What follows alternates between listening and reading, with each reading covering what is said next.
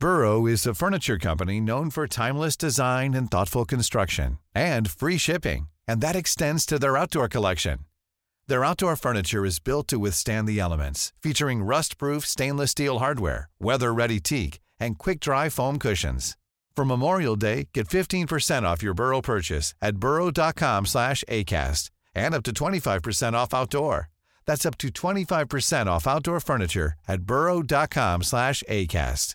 Hey, it's Danny Pellegrino from Everything Iconic. Ready to upgrade your style game without blowing your budget? Check out Quince. They've got all the good stuff shirts and polos, activewear, and fine leather goods, all at 50 to 80% less than other high end brands. And the best part? They're all about safe, ethical, and responsible manufacturing. Get that luxury vibe without the luxury price tag. Hit up quince.com slash upgrade for free shipping and 365 day returns on your next order. That's quince.com slash upgrade. I'm Sandra, and I'm just the professional your small business was looking for. But you didn't hire me because you didn't use LinkedIn jobs. LinkedIn has professionals you can't find anywhere else, including those who aren't actively looking for a new job, but might be open to the perfect role, like me. In a given month, over 70% of LinkedIn users don't visit other leading job sites. So if you're not looking on LinkedIn, you'll miss out on great candidates like Sandra. Start hiring professionals like a professional. Post your free job on linkedin.com/people slash people today. Du lytter til en podcast fra TV2.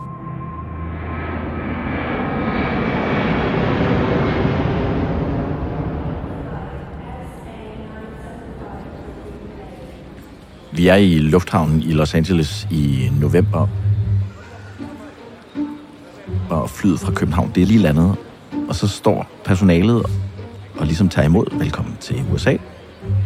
Og der skulle træde 183 passagerer ud af flyet. Men lige på det her SAS-fly, der er der så 184. Og det er jo en af den der slags ting, som, altså, det kan ikke lade sig gøre. Det bør ikke kunne lade sig gøre. Det er umuligt. Men det var det, der skete. Det burde slet ikke være muligt at flyve fra København til Los Angeles uden nogen papirer. Intet boardingkort, intet pas, intet visum. Vel at mærke i en tid, hvor alt er overvåget, ikke mindst i en lufthavn. Men det var, hvad en mand formåede at gøre i november sidste år, og dermed stod for den måske mest alvorlige sikkerhedsbrist i nyere dansk lufthavnshistorie. Så hvordan lykkedes det at snige sig igennem et af de mest gennemkontrollerede steder i vores samfund? Det skal vi finde ud af i dagens udgave af Dato. Mit navn er Joachim Claus Høj Bindslev.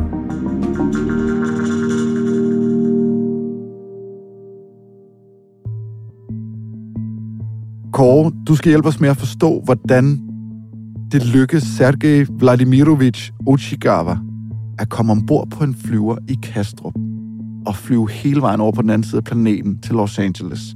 Uden pas, uden visum, uden noget som helst. Inden vi går ned i detaljerne, hvordan kommer du ud på sporet af det her? Jamen, det var min kollega Tejs, som sagde, Kåre, jeg har noget til dig. Du er nødt til, det er lige en historie for dig. Du er nødt til at kigge på det her. Og på det tidspunkt var det bare sådan en nyhedshistorie. En, en mand er anholdt i lufthavnen i Los Angeles, og han har ikke øh, pas, og han har ikke billet, og han er til Sydlandet kommet fra København. Men der var sådan lidt uklarhed om, hvad der var foregået. Og derfra så tror jeg ikke, jeg rigtig tænkte på ret meget andet i cirka halvanden måned. Kåre Sørensen er redaktør i den undersøgende gruppe hos mediet Zetland, og så er han lidt af en fejnsmækker, når det kommer til at rekonstruere vilde historier. Og det er netop det, han skal i dag. Du har gravet utrolig mange detaljer frem i din artikel, der er bragt i Zetland. Hvordan har du sådan helt konkret kortlagt den her absurde historie? Jamen sådan noget begynder jo altid med, at man... Øh, I hvert fald i min verden, der begynder det altid med en tidslinje. Så er det et stykke papir, hvor man går i gang med at skrive ned, hvad er det, vi ved. Og så kan man jo med det samme begynde at se, at der er nogle huller her. Nogle ret interessante huller her. Hvordan kan man lige pludselig være der? Hvad er det for nedbrud, der nødvendigvis må være sket undervejs, for at vi kan nå hertil?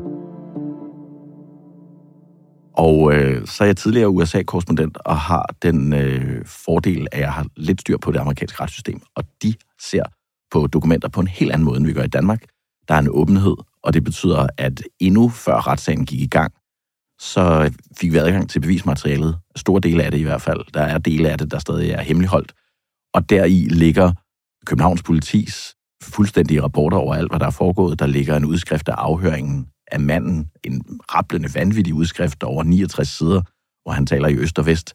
Og der lå billeder, hvor man kunne se altså helt lavpraktisk, hvordan slap han igennem de her forskellige kontroller i Københavns Lufthavn. Og så tænker sådan en type som mig, tænker, yes, altså det her, der er alle brækkerne til, at vi kan forklare, hvad der rent faktisk skete.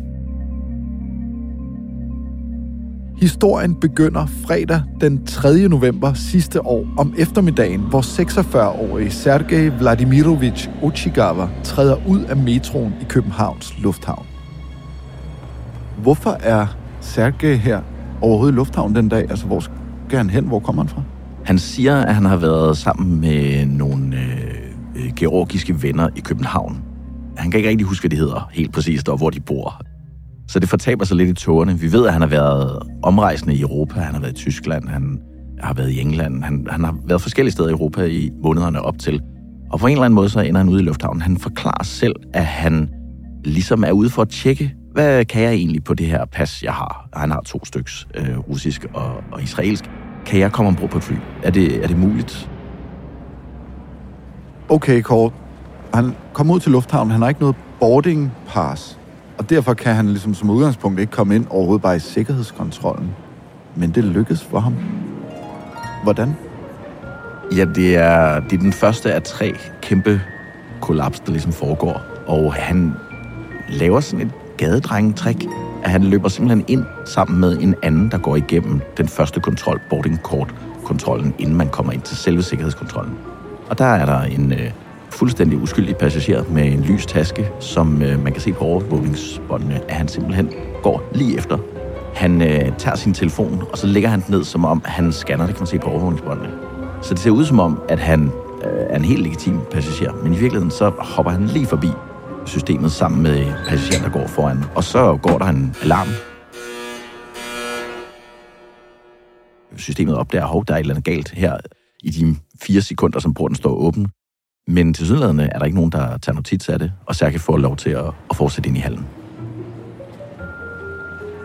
Og herfra, der går han så videre over til sikkerhedskontrollen, hvor han får scannet sine ting, og øh, hverken viser pas eller billet, det skal man heller det skal man ikke ikke her. Nej. Hvad gør han så herfra, altså efter han er kommet igennem sikkerhedskontrollen? Ja, så er der øh, cirka en times tid, hvor vi ikke ved helt præcis, hvad han laver. Han kan være gået rundt i lufthavnen, øh, han kan have forsøgt forskellige ting, som, som vi ikke kender til. Men øh, efter cirka en time, så går han hen til den del af Københavns Lufthavn, der ligesom er ud til alle de gates, der hedder noget med C. Og hvis man har rejst fra Kastrup, så ved man, det, det er der, man kan komme og oversøges, hvis man skal til Brasilien eller til USA. De store, lange flyture, de foregår der. Og for at komme igennem der, der skal du vise et pas. Og øh, han stiller sig i kø, og øh, paskontrollen konstaterer så, at der er et eller andet galt, de her pas. Øh, han har ligesom over... Øh, han har været for længe i Schengen, så øh, de kalder på nogle betjente, der tager fat i ham, konstaterer, at han ikke har gyldigt pas, han kan ikke komme igennem her. Og så sker der den anden vilde ting, der sker den dag, som er, altså, øh, på, ifølge Københavns politi, helt normalt. Det sker hele tiden, men samtidig også fuldstændig vanvittigt. Nemlig, at politiet tager ham igennem grænsekontrollen og peger på en bænk og siger til ham, der skal du lige sidde, mens vi ordner dine papirer.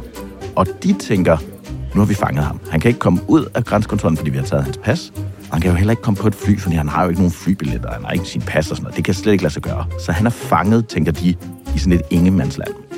Og det viser sig så, at det er han overhovedet ikke. Og hvordan holder de så øje med ham, efter at de beder ham om at, at sætte sig der pænt og vente? Ja, det er interessant, fordi rapporterne fra Københavns Politi er fulde af detaljer, tidspunkter og hvilke betjente, der har gjort hvad. Lige på det her område, der er der noget knas med detaljerigdommen. Så det, vi ved, er, at de omkring kl. 22 om aftenen ser ham sidste gang. Der forkynder de ham øh, resultatet af, hvad der skal ske med ham. Vi ved ikke præcis, hvad der bliver sagt til ham. Formentlig bliver der sagt, prøv at høre, Kevin, du kommer, altså, du bliver sendt hjem til enten Rusland eller til Israel. Du har ikke ret til at være i Europa. Du har simpelthen ikke noget gyldigt ophold her i landet. Og derefter så øh, ser de ham ikke igen.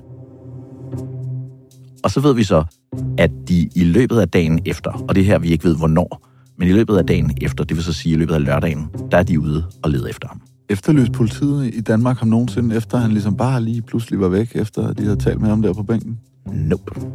Det eneste, vi ved, er, at politiet beskriver, at man om lørdagen, og det vil altså sige den morgen, hvor han er fløjet afsted, på et eller andet tidspunkt, og tidspunktet er ikke oplyst, er i gang med at lede efter ham.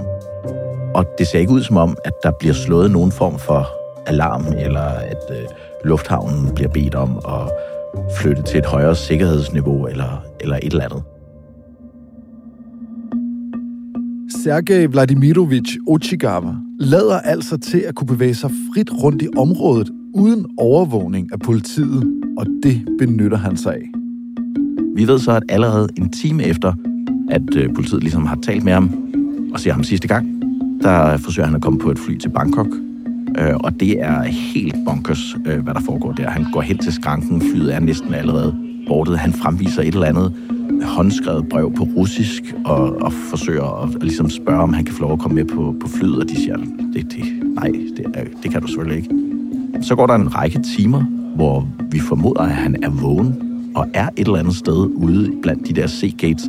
Om han gemmer sig på et toilet, eller om han bare sidder og kigger ud i luften, det ved vi ikke. Det ved Københavns politi, men, men vi ved det endnu ikke. Og så prøver han at komme på et fly til London tidligere om morgenen. Det lykkes heller ikke.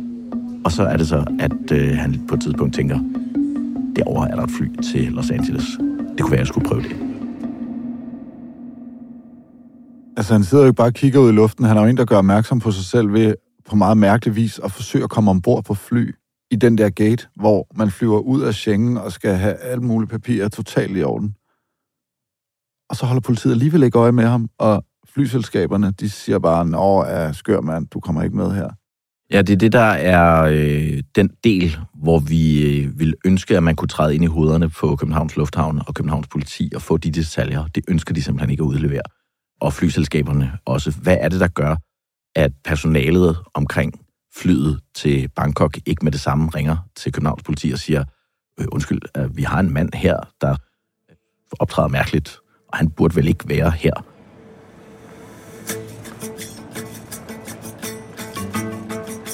Der bliver altså ikke reageret på hans mærkelige opførsel. Og efter flere forgæves forsøg, så lykkes det ham til sidst at komme ombord på et fly lørdag morgen.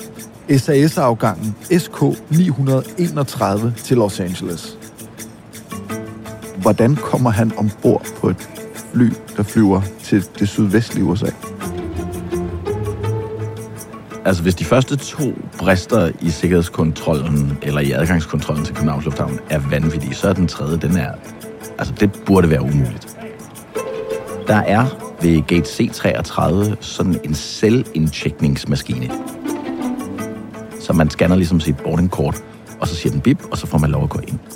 Og det ser ud til, fra de oplysninger, som øh, retten i USA og som Københavns politi har fremlagt, at han simpelthen gentager trick nummer et, gadedrengetrækket, at han lister med, i det her tilfælde en kvinde med et barn, og ligesom på den måde slipper forbi kontrollen. Og så ender med at stå i kø, som alle andre på vej ind i flyet. Så det er helt utroligt, at han kommer ind og står i den der slange der, som mange af os kender, hvor man venter på at komme ind i kabinen. Og stewardesserne, de opdager så heller ikke noget, da han kommer ombord, eller? De opdager ham, fordi han er ret besynderlig. For det første, så tænker han åbenbart, når jeg, når jeg nu er kommet ombord på det fly, så kunne jeg lige så godt flyve business class. Så han starter med ligesom at gå rundt oppe i øh, business class området, og det er jo altså det er jo godt tænkt, kan man jo sige. Og så bliver han så spurgt af en stewardesse, øh, kan jeg hjælpe dig, øh, må jeg se din boardingkort, så kan jeg hjælpe dig med at finde din plads. Og så, så går han simpelthen bare, så går han ned til flyet.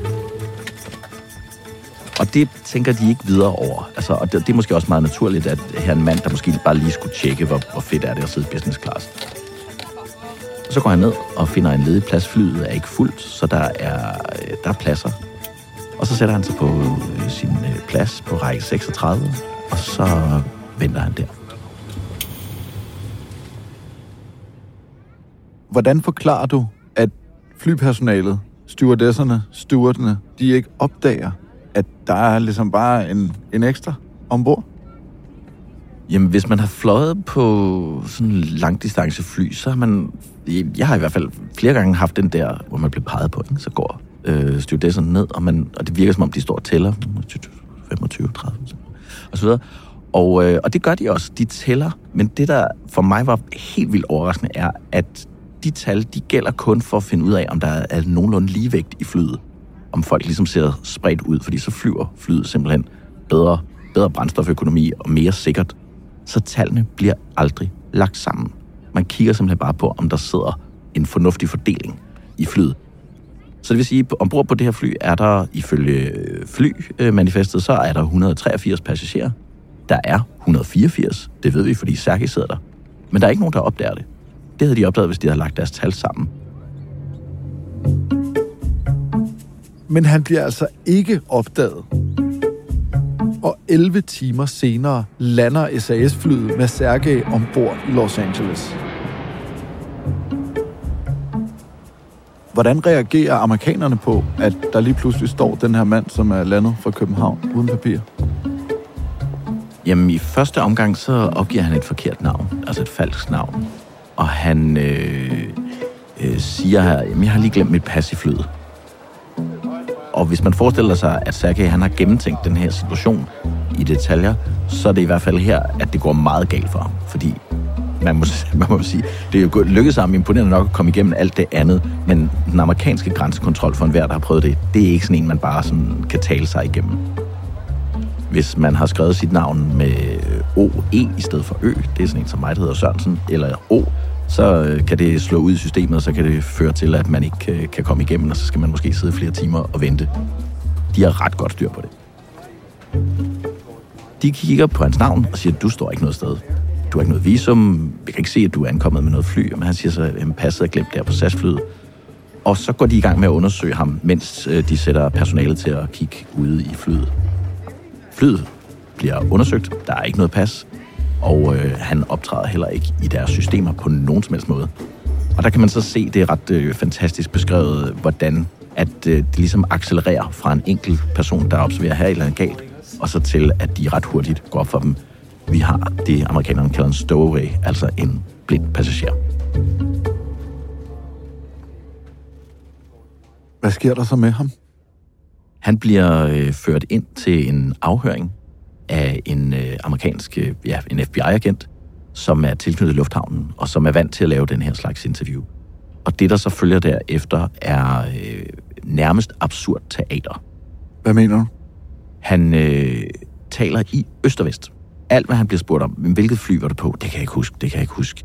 Jeg tror ikke, jeg har sovet. Hvorfor er vi her? Og på et tidspunkt, han rejser sig op, han vil gerne væk, det siger, du skal sidde ned. Jamen, hvorfor? Jamen, vi ved ikke, hvem du er, og hvorfor du er her.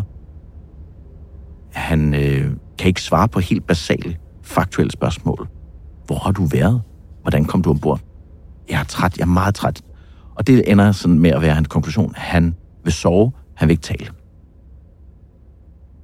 Vi har en russer, som sniger sig igennem et af de mest sikre steder i landet. Altså, jeg kan ikke lade være med at, at tænke, det må få alle alarmlamper til at blinke.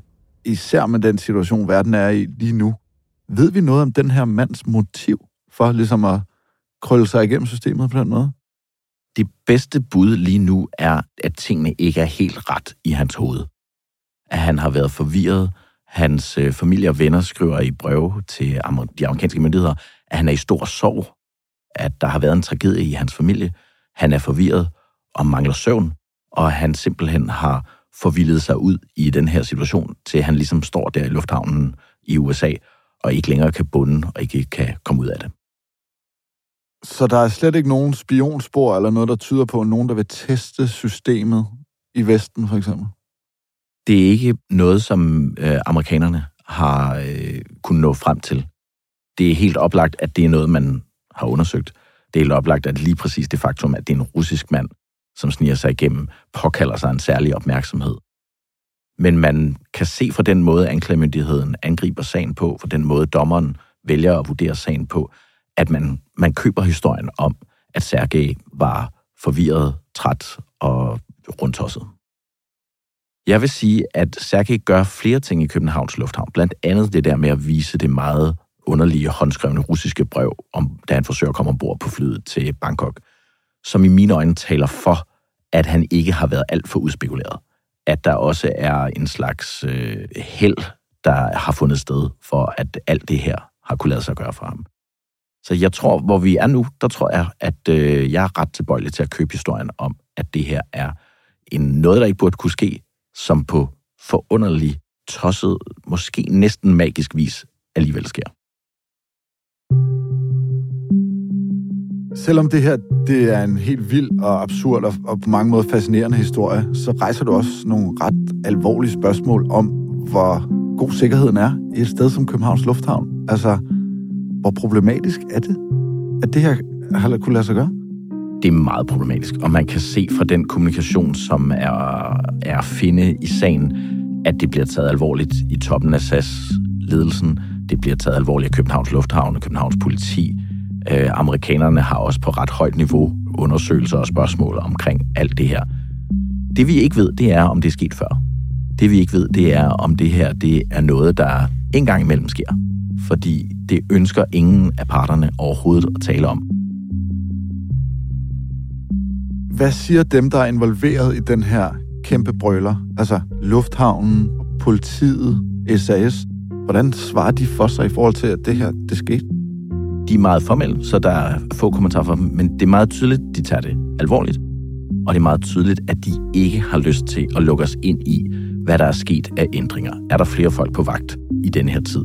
Har man ændret på systemerne? Har man øh, øh, i højere grad kontrol ved for eksempel den allerførste adgang, øh, således at det ikke kan lade sig gøre, at øh, en rød alarm lyser, og en mand så får lov til at slippe igennem. Alle de her ting, det vil de simpelthen ikke tale om. Altså for at det ikke skal være løgn, så er det her jo ikke den eneste situation for nylig, hvor Københavns Lufthavn er involveret. Med passageren fra, fra Gatwick, som lykkes med at komme ombord i et Norwegian-fly på vej til København, han bliver så opdaget. Og det kan man sige, det er, øh, ser det faktisk ud til, jeg har talt med tre af, af de passagerer, der var ombord på flyet. Det ser ud som om, det er lidt af et tilfælde, fordi det er et fuldt fly. Så det vil sige, at hver gang han sætter sig ned på en plads, så dukker der nogen op og siger, øh, du sidder på mit, det er 27B, jeg har, jeg har 27B. Og han dermed bliver sådan en passager, der flytter meget rundt, og det påkalder sig så personalets øh, opmærksomhed, og de siger, øh, lad os lige se dit boardingkort, og det viser sig så, at han er, som Norwegian beskriver det, en uautoriseret passager, og han bliver så eskorteret af flyet. Så der kan man sige, det lykkes, men øh, altså at forhindre, at han fik flyturen. Men det er dog i den grad betænkeligt, at han kan ende med at være i flyet, og på den måde øh, have kommet forbi en eller anden form for kontrol. Man skal måske sige, og det gælder jo både for Sergej og for den her mand, som vi ikke kender identiteten på i Gatwick, at de har jo været gennem sikkerhedskontrollen. Så der er ikke mulighed for, at de kan have bomber eller våben eller andet på sig. Men alene det, at de kan bevæge sig på steder, de ikke må være, er en kæmpe brud på sikkerheden.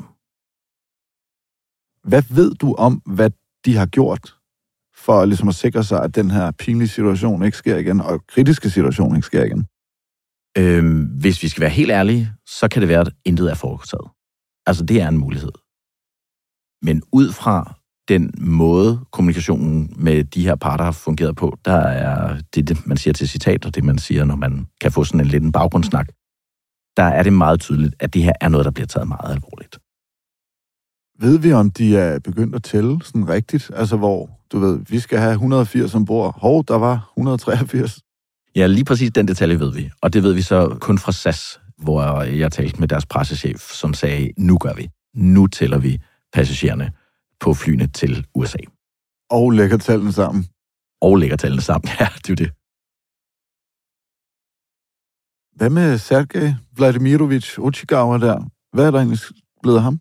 Han får en dom på øh, 93 dage, som er den tid, han havde siddet i fængsel, da dommen faldt. Han har fundet skyldig i at være, være blind passager, og han er så blevet idømt øh, en bøde på godt 2.000 dollars til SAS for, at han skal betale for flybilletten. At det mente hans forsvar ikke, han skulle gøre, fordi øh, forsvaren sagde, at flyet var jo ikke fuldt, hvilket jeg synes er en fantastisk detalje. Så dommeren altså, Sergej, du skal betale de her sådan rundt regnet 15.000 kroner til SAS for flybilletten, og så er han en fri mand. Øh, han er, så vidt vi kan se fra papirerne, udvist af USA i 10 år, hvor han altså ikke på nogen måde må vende tilbage igen. Det er øh, mest sandsynligt, og uden at vi kan bekræfte, at han er blevet sendt tilbage til Israel. Det er i hvert fald de forhandlinger, der har været øh, hele tiden undervejs i hans sag, har været med den israelske ambassade. Men øh, jurymedlemmerne, der dømte ham skyldig, udtrykte en øh, bekymring for, at både Rusland og Israel jo er lande, der ligger i en intens konflikt. Så de håbede, at amerikanerne ville gøre en ekstra indsats for at passe på ham. Kåre Sørensen, tak skal du have. Selv tak. Du kan oprette en gratis bruger på TV2's nyhedsapp og få adgang til dato og meget mere unikt indhold fra TV2. Dagens program er tilrettelagt af Emil Laursen. Ida Skovskov og Pauli Galskov står for lyddesign. Astrid Louise Jensen er redaktør. Og mit navn er Joachim Claus Høj Bindslev.